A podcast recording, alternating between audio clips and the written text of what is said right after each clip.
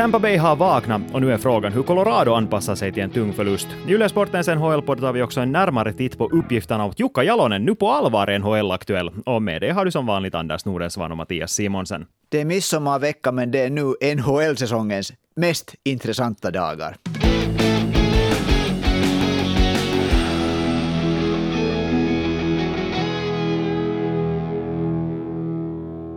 Ja, nu när vi bandar in det här avsnittet står det 1-2 i matcher, och 1-2 säger jag eftersom Tampa Bay vann den senaste. Colorado, klart starkare får vi väl ändå säga på hemmaisen, flyttar serien till Tampa och vem hade trott det? De regerande mästarna vaknade och var i en helt egen klass för sig i den här tredje matchen. Ja, du har ett par timmar bakom dig nu efter att du har refererat den här matchen, kommenterat den här matchen. Nå, berätta nu, vad var det som avgjorde det här? att Tampa Bay är Tampa Bay. Alltså i grund och botten så var det det som avgjorde, för Colorado var jättebra inledningsvis. De styrde matchen, de fick den dit de ville, de spelade samma sort, sort sån här högtempo-hockey som de har gjort i de här två första matcherna. Sen sätter de in ett mål som överklagas, ett domslut som Tampa Bay-bänken fick titta ganska länge på. Det här är någonting som många har lyft upp efter den här matchen. De hade ganska mycket tid på sig att kolla på videor, kolla på repriser, överväga om det här är värt att överklaga eller inte. Nå, de valde sen att kasta in en coaches challenge. Det gick vägen, målet blev bort. Nå, vad händer sen? Colorado gör ett till mål i powerplay den här gången, men efter det så händer det som Tampa Bay är så otroligt bra på. För om vi tittar på hur matchen såg ut efter Colorados mål, så var det fortsättningsvis så att Tampa Bay var jätte, jättedåliga. Slarvade alldeles otroligt mycket, passade helt åt skogen, och så lyckas Anthony Cirelli sätta in en puck helt för billigt bakom Darcy Kemper, och efter det var det Tampa Bay för liksom alla slantar. Att det, efter det fick de spelet att klaffa. Det där ena målet som man kan säga att var lite tursamt, så det fick de kanske på något sätt att inse att hej, vi kan ju det här. Vi vet vad vi håller på med och det visar de nog att de kan. Tycker jag åtminstone. Du får vara av annan åsikt. Alltså jag skulle säga att har vi sett den här filmen förut? Colorado hade total, det såg liksom ut att Colorado bara kör över dem, man såg den här självsäkerheten sprudla ur dem, de tyckte liksom att hej, jag tyckte på något sätt man läste det här att de kollade på att nu är vi i Tampa, nu är den här matchen och vi har den, vi har den. Och plötsligt är det Tampa som vinner. Jag vet, det, är liksom, det här händer alltid mot Tampa. Det måste ju vara ett hemskt lag att möta. Ja, alltså, jag vet inte liksom hur man ens ska, ska tackla det där. För Colorado gjorde ju allt rätt i början, ja. men sen efter, tycker jag åtminstone, den här första perioden, som de låg under efter, så försvarsspelet satt inte överhuvudtaget. Det blev lite slarvigt. Och oavsett hur bra du har varit i de tidigare matcherna så har du inte råd att slarva på det sättet som vi måste säga, bland andra Mikko Rantanen och Artur Lehkonen gjorde i försvarszonen. Tyvärr, att komma in just på det här Rantanen och Lehkonen, för jag tycker det var en stor grej. Men det där, det som jag... Det, det, jag satt hemma och tittade på det här och kollade att aha, Hedman, man ser Hedman har liksom, han är inte sig själv. Nick Paul fick den här ena tacklingen, man trodde att han inte skulle spela. De ser liksom, och ändå gjorde han träet. Ja, de ser ut som ett gäng som far omkring liksom ungefär med kryckor och plåster och liksom, det, det, att, att, att det här, okej, okay, de är på väg ut för den här, och så bara vänder det. Och en av nycklarna till att det vände var ju att den här, nu såg man att den här kedjan där, JT Comfort var center, Mikko Rantanen äh, på ena, ena kanten och sen då Arturi Lehkonen, där var tidigare Andrei Burakovski. Nu såg man att Burakovski skulle ha i den där offensiva rollen skulle han ha behövts, för den här kedjan förlora ordentligt sin match i matchen mot Steven Stamkos kedja som John Cooper matchar stenhårt Steven Stamkos mot dem.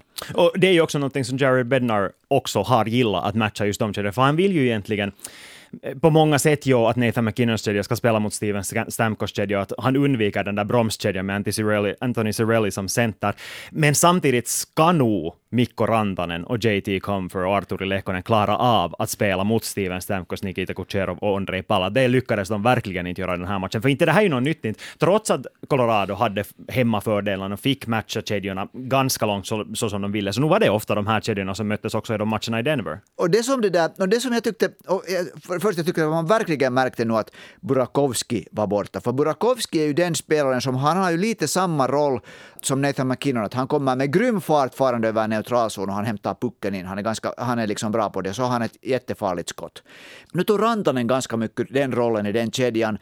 Det var liksom upprepade gånger som det såg ut. Jag tänkte att, att okej, okay, att nu har de pressat den här Stamkos-kedjan tillbaka. De spelar liksom rulla där inne i Tampas försvarszon och det såg ut liksom att den här kedjan hade greppet, men de fick, inte liksom, de fick inte ett skott på mål, de fick inte så det skulle blivit täckning där.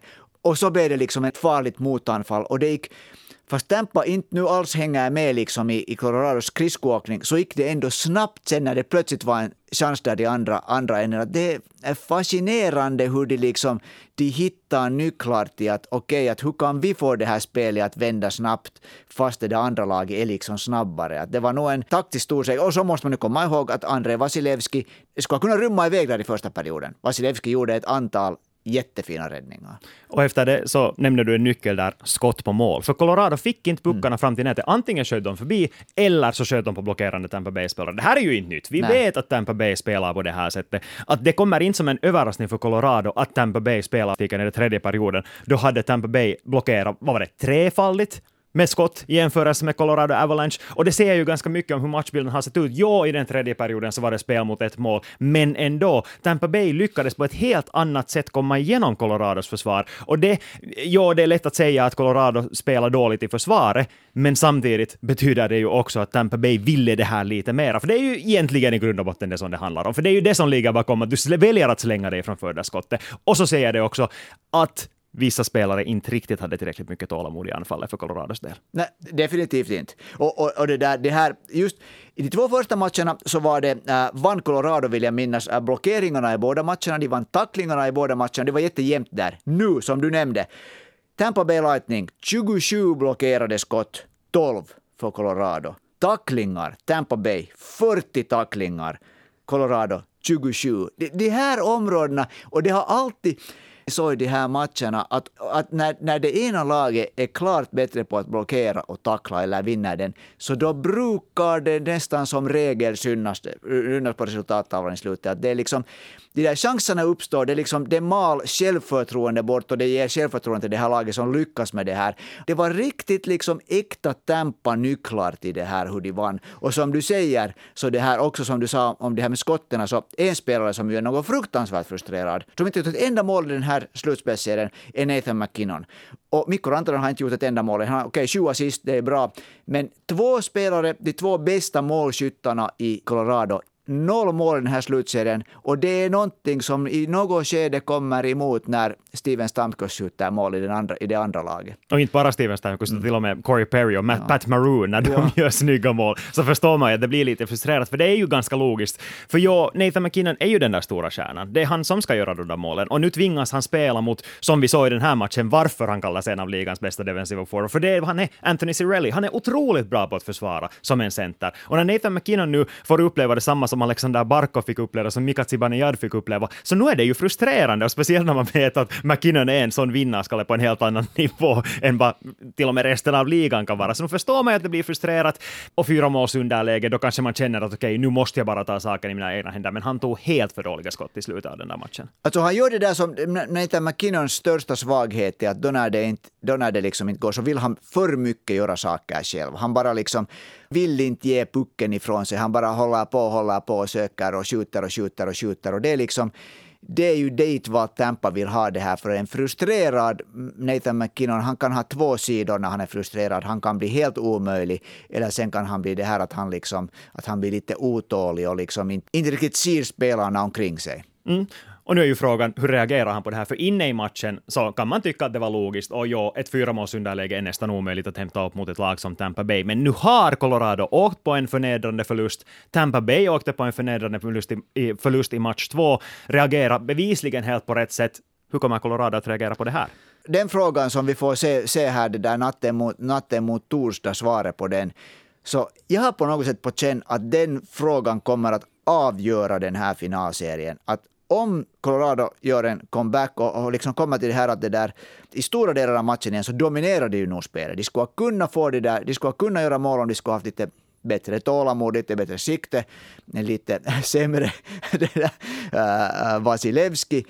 Men om Tampa lyckas utjämna det, den här, lyckas kvittera till 2-2, så då är det nog, då kommer, det så stiger nog de där spökena på, eh, liksom upp därifrån. Å andra sidan så Tampas självförtroende blir så otroligt o, man kan inte tränga igenom den där muren av självförtroende. Så den här, den här nästa matchen, de här svaren på den här frågan, vad gör Colorado? Hur reagerar Tampa på att de har vunnit en match? Det, jag påstår att den här nästa match kommer att avgöra äh, serien.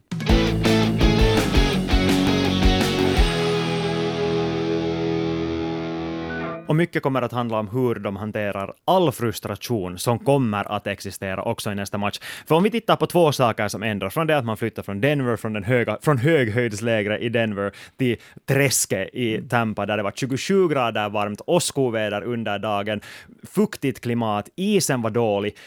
Och då måste vi komma ihåg det att det påverkar spelaren. Bara där som alla spelarna hade tydligen lyft fram, att den här isen var ganska mjuk i jämförelse med Colorado. Då blir det tyngre att spela. Det är inte lika lätt att spela sån där offensivt högtempohockey som Colorado har gjort. Det går inte att forechecka li riktigt lika frenetiskt. Och plus det att det är Tampa Bay som har hemmafördelen. Det såg vi i den här matchen, att de tar vara på alla möjligheter de har att fördröja spelet så mycket de kan.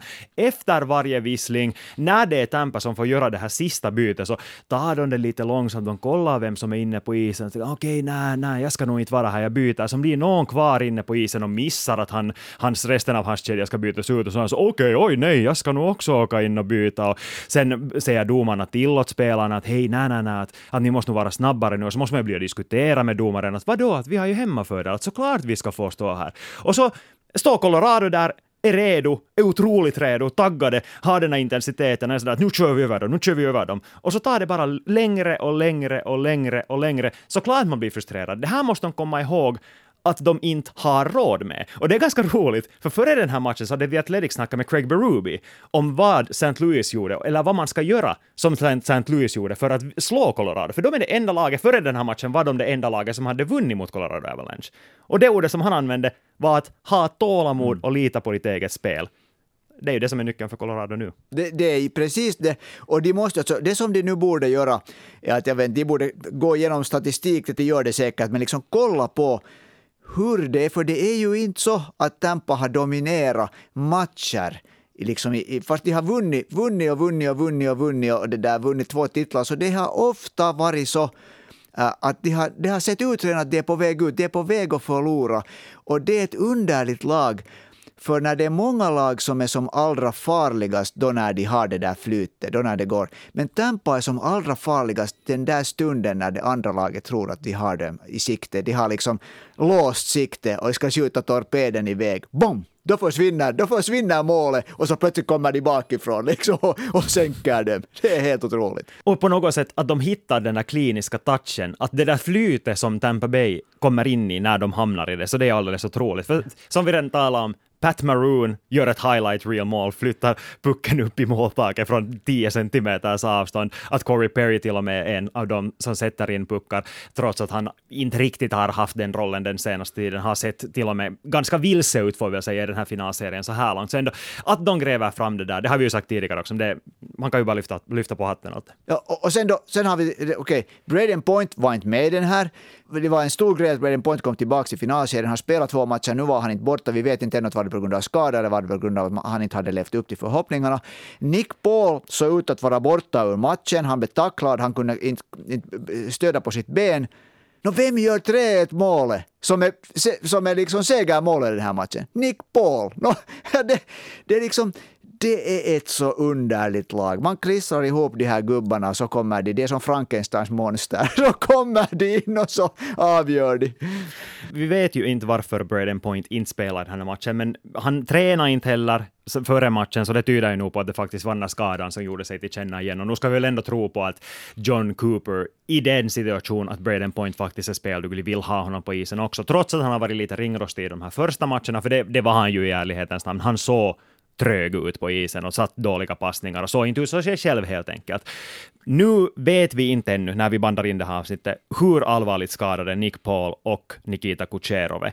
För, för det första, Nick Paul kunde spela efter det där att han föll obekvämt, tacklades i ryggen av Josh Manson, men det var nog till synes en ganska ofarlig situation när han blev mer knuffad i ryggen. Jo, med en crosscheck och i ryggen, men ändå, det var liksom mer en knuff och att han föll olyckligt och såg ut eventuellt att skada knä, nu är jag ingen medicinsk expert så jag ska inte uttala mig här, kunde spela, inom citationstecken spela, glida runt på isen, gjorde ett mål, var ändå viktig för Tampa Bay, men det är en sak att spela med adrenalin i blodet och en sak att vakna nästa dag och inse att mitt knä gör ganska jävla ont. Ja, så är det. Det har, det så alltså, finns det nog sprutor som de sprutar i det där knät, det där, så, många, så många som det behövs för att få honom i spelskick om det inte är någonting som är helt trasigt där. Men det där, lite måste man ju nog säga att uh, Eh, både du och jag har någon kritiserat för Nikita Kucherov för att han gör sådana här fega påhopp plötsligt. Så det där, jag tycker att han fick faktiskt lite av sin egen medicin. Jag måste, måste nu få det sagt här. ja, alltså Nikita Kucherov i slutet av matchen kan många tycka att det var en väldigt onödig sekvens där Devon Taves då crosschecka honom, vad man nu ska kalla det, brotta honom ner till isen på ett sätt att hans knä vred sig så att han inte kunde spela slutet. Det, var, det återstod inte värst många minuter av matchen i det skedet. Vi vet inte egentligen hur allvarlig den här skadan är, för han försökte ju spela ett byte i powerplay då efter det var uppenbart riktigt förbannad, slog pucken hårt när han skulle skjuta den andra gången märkte han att det där vänstra benet håller inte, det där stödbenet håller inte, så han åkte över till bytesbänken och hoppade in i omklädningsrummet direkt. Och vi vet inte heller hur allvarlig den här skadan är, om det ens är någon allvarlig skada överhuvudtaget. Men jo, helt som du säger, vi behöver inte ens gå in på vad han har gjort tidigare år. Alla minns vad han gjorde åt Markus Nutivaara. Mm. I, bara i den här matchen, redan när Tampa Bay i praktiken hade säkrat segern. Först tacklade han Josh Manson i ryggen, helt onödigt, bara provokativt, och sen just före Devon Taves gjorde det här som Skara Kucherov, så såg man det lite i bilderna och det har funnits reportrar på plats som har tweetat om att det faktiskt hände. Han crosscheckade Taves i ryggen utan att någon av dem var ens nära pucken. Så det är liksom sånt där som han gör för att jag reta upp motståndaren och i det där läget är det bara så jätteonödigt att göra det. Att jo, det var uppenbart att Colorado var frustrerade. Det var uppenbart lätt för Tampa Bay att komma under skinnet på dem, för det såg man ju att det blev en sån här, det som på finska kallas torgkokous efter varje avblåsning, att det var några ord som Tampa Bay-spelarna sa till Colorado, och så var det liksom slagsmål igång ungefär.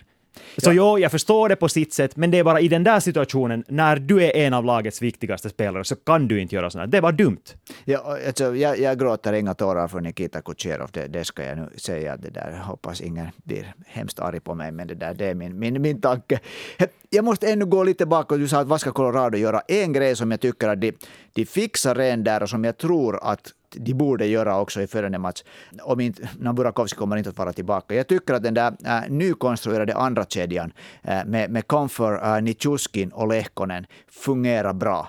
Då har vi både Lehkonen och Nichuskin som är sådana här äh, starka tvåvägs yttrar, ytterforward. Jag tycker den funkar. De fick liksom kontroll på det där spelet betydligt bättre än när Rantanen var på den platsen. Och så var ju nog, så var ju nog, fast de inte fick mål så var det ju nog ganska otroligt emellan hur den här kedjan då, den här gamla första kedjan med McKinnon, Rantanen, Landeskog när de började snurra.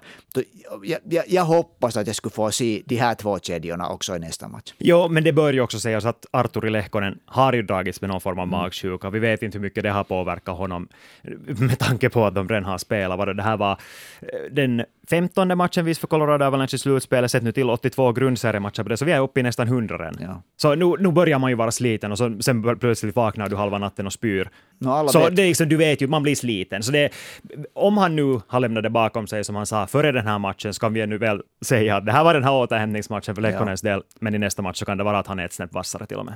Men, det är en intressant kedja tycker jag, för där har vi två av hela NHLs kanske bästa sådana här tvåvägs eh, ytterforwardar, Lehkonen och, och uh, Nichuskin.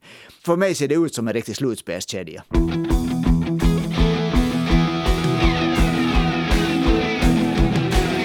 Stanley Cup-finalserien är igång, men mycket annat pågår också i NHL, för vi ska ju minnas att det finns 30 lag som inte spelar final just nu, och de håller på att bygga om för framtiden. En av de stora sakerna som pågår är att klubbarna väljer vem som ska lotsa dem in i en ny framgångsrik era. Vi har fått in frågor om det här. För det första, Sebastian undrar vad vi tycker om tränarbytena som har varit på tapeten så här långt. Vem gör kap?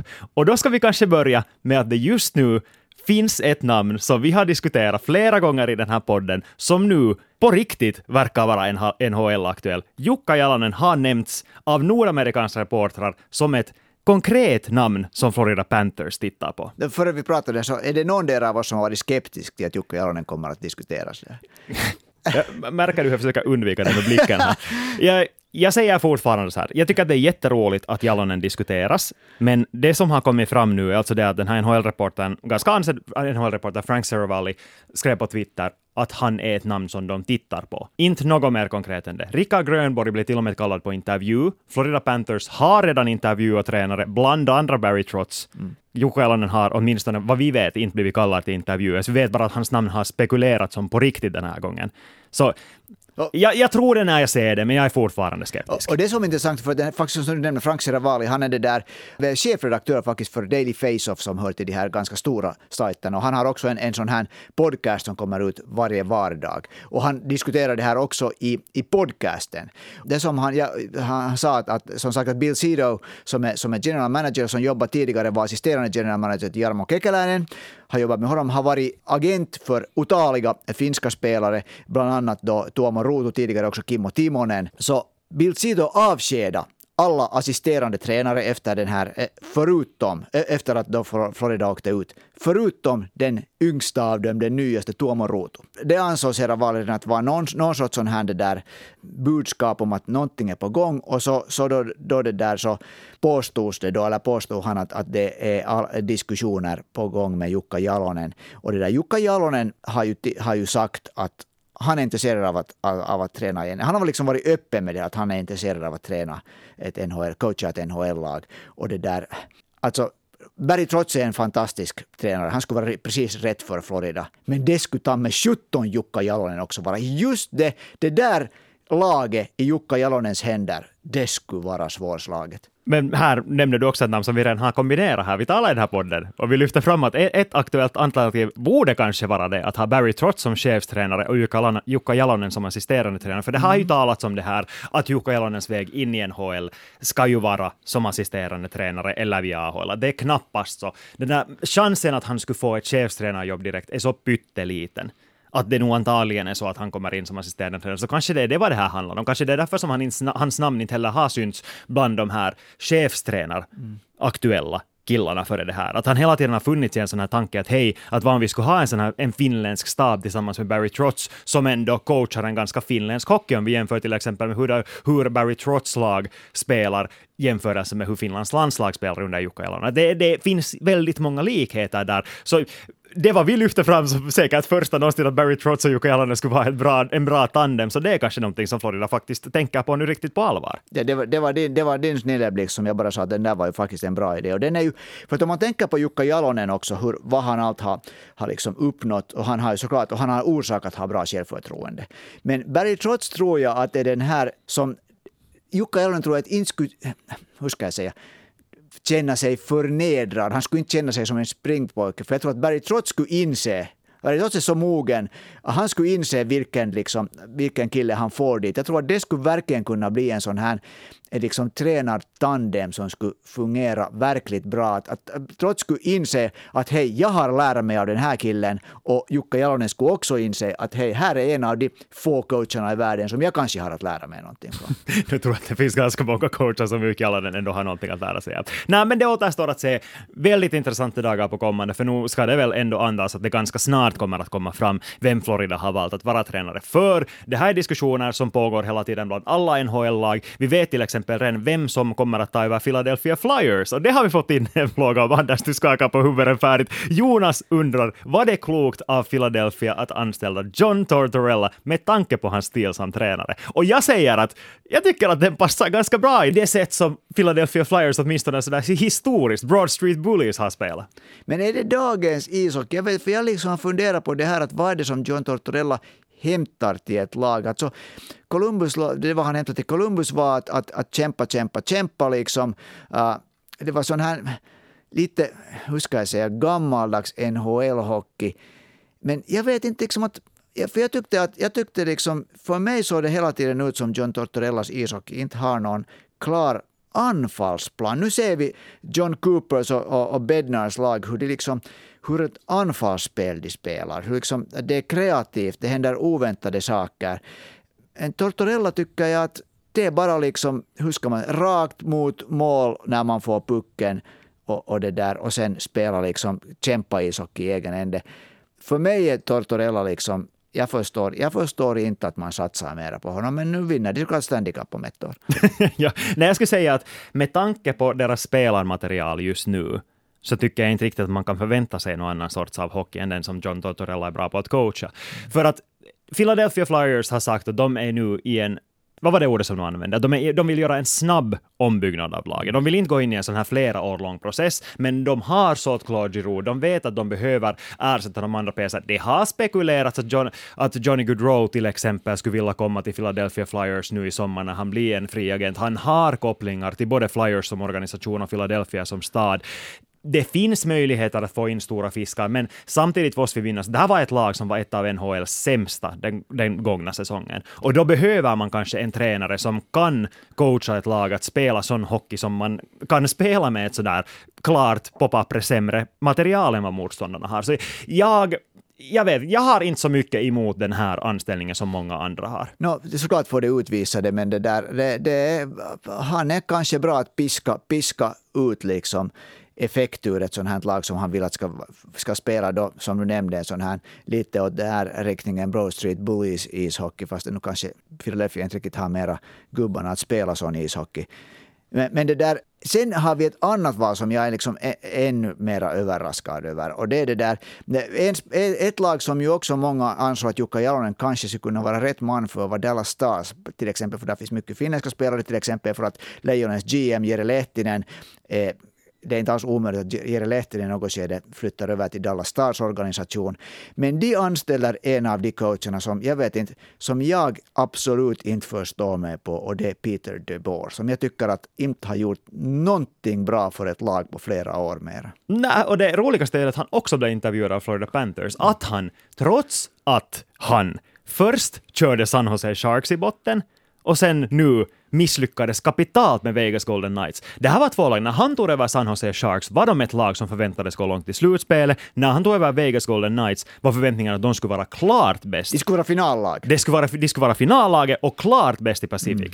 Nu är de ingen där. Och det är helt på grund av Peter DeBoer, vågar jag påstå. Och samma sak med San Jose Sharks, fick han inte ut någonting av det materialet. Och, och plus att det där, nu har vi ju inte fakta på det här, men det som nu har diskuterats ända sedan Peter DeBoer kom till, till det där Vegas och som jag liksom aldrig har blivit klok på var att Peter de Boer ville ha Marc-André Fleury ut ur laget. Och det för mig liksom, om man tänker vad Fleury betydde för Vegas de här första åren och hur bra han var, och han är ännu också en jättebra målvakt, det, det vet vi. Det, det, det såg man också glimtar av i, i slutspelet, hur bra han kan vara. Att varför man vill ha en sån, han vann Vesaina Trophy för ett år sedan att varför man liksom tar ett sånt här mål och då har man då en eh, andra, eh, andra målvakt som, inget illa om det, som bevisligen har haft liksom problem med, till exempel med sitt psyke. Att man sen helt satsar bara på en sån målvakt som första målvakt när man har en sån här kille som har varit bra i över tio år? Ja, jag skulle inte säga att det är sådär. Om vi tittar helt spelmässigt så skulle jag inte säga att det är fel att satsa på Robin Lehner som en startande målvakt, för han har bevisat nog att han klarar av det jobbet. Men det vad man gjorde, det vad han gjorde, vad Peter DeBoer gjorde i Vegas var det att han tog själen ur Golden Knights och lyckades inte skapa en egen identitet kring laget. För det var det som hände. De tappade sin identitet helt och hållet. Ingen visste hurdan hockey Vegas Golden Knights spelar. De bara spelade och litade på att materialet skulle föra dem långt, vilket det inte gjorde. Men nu ska det i ärlighetens namn säga att Vegas tog vara på ett av de andra riktigt konstiga besluten, den här tränarkarusellen att Boston för det första sparkade Bruce Cassidy och då var Vegas genast på tåget och sa no, då tar vi honom istället. Det, det tror jag nog kan vara helt 100% rätt val av dem. Det är av samma Bruce Cassidy tror jag att är en jättebra coach för Vegas. Jag Vegas kommer att vara mycket bättre, mycket bättre nästa säsong. Jag var lite överraskad också över det där. Äh, men sen började jag fundera att okej, okay, att han hade varit där i sex år. Och jag måste nog säga att jag tror ändå att det lite är på det sättet att en coach inte ska vara jätte... Liksom, om det börjar gå många säsonger, över fem år, så det blir, liksom, det blir lite lätt att det blir trött. trött liksom. det, det, det tappar det när man man behöver en ny röst. Så det kan nog stämma, fast jag var faktiskt överraskad. Jag förstår varför sparkar man Bruce Cassidy. Men, men det där att behöva en ny röst kan nog vara en, liksom, inte bara tomma ord. Men i Vegas kommer han att vara en röst som jag är övertygad om att få Vegas att spela bra. Nästa vecka kan det redan vara så att Stanley Cup-finalserien är avgjord. Vi hoppas förstås att det finns en Game 7 att tala upp för då, men det vet vi sen. Nästa tisdag är vi tillbaka igen med ett nytt avsnitt. Om du har en fråga eller ett, ett påstående eller vad som helst så skicka in det på Ylesportens Instagram eller per mail till svenskasporten.yle.fi. Vi hörs igen! Tack och hej och ha det bra!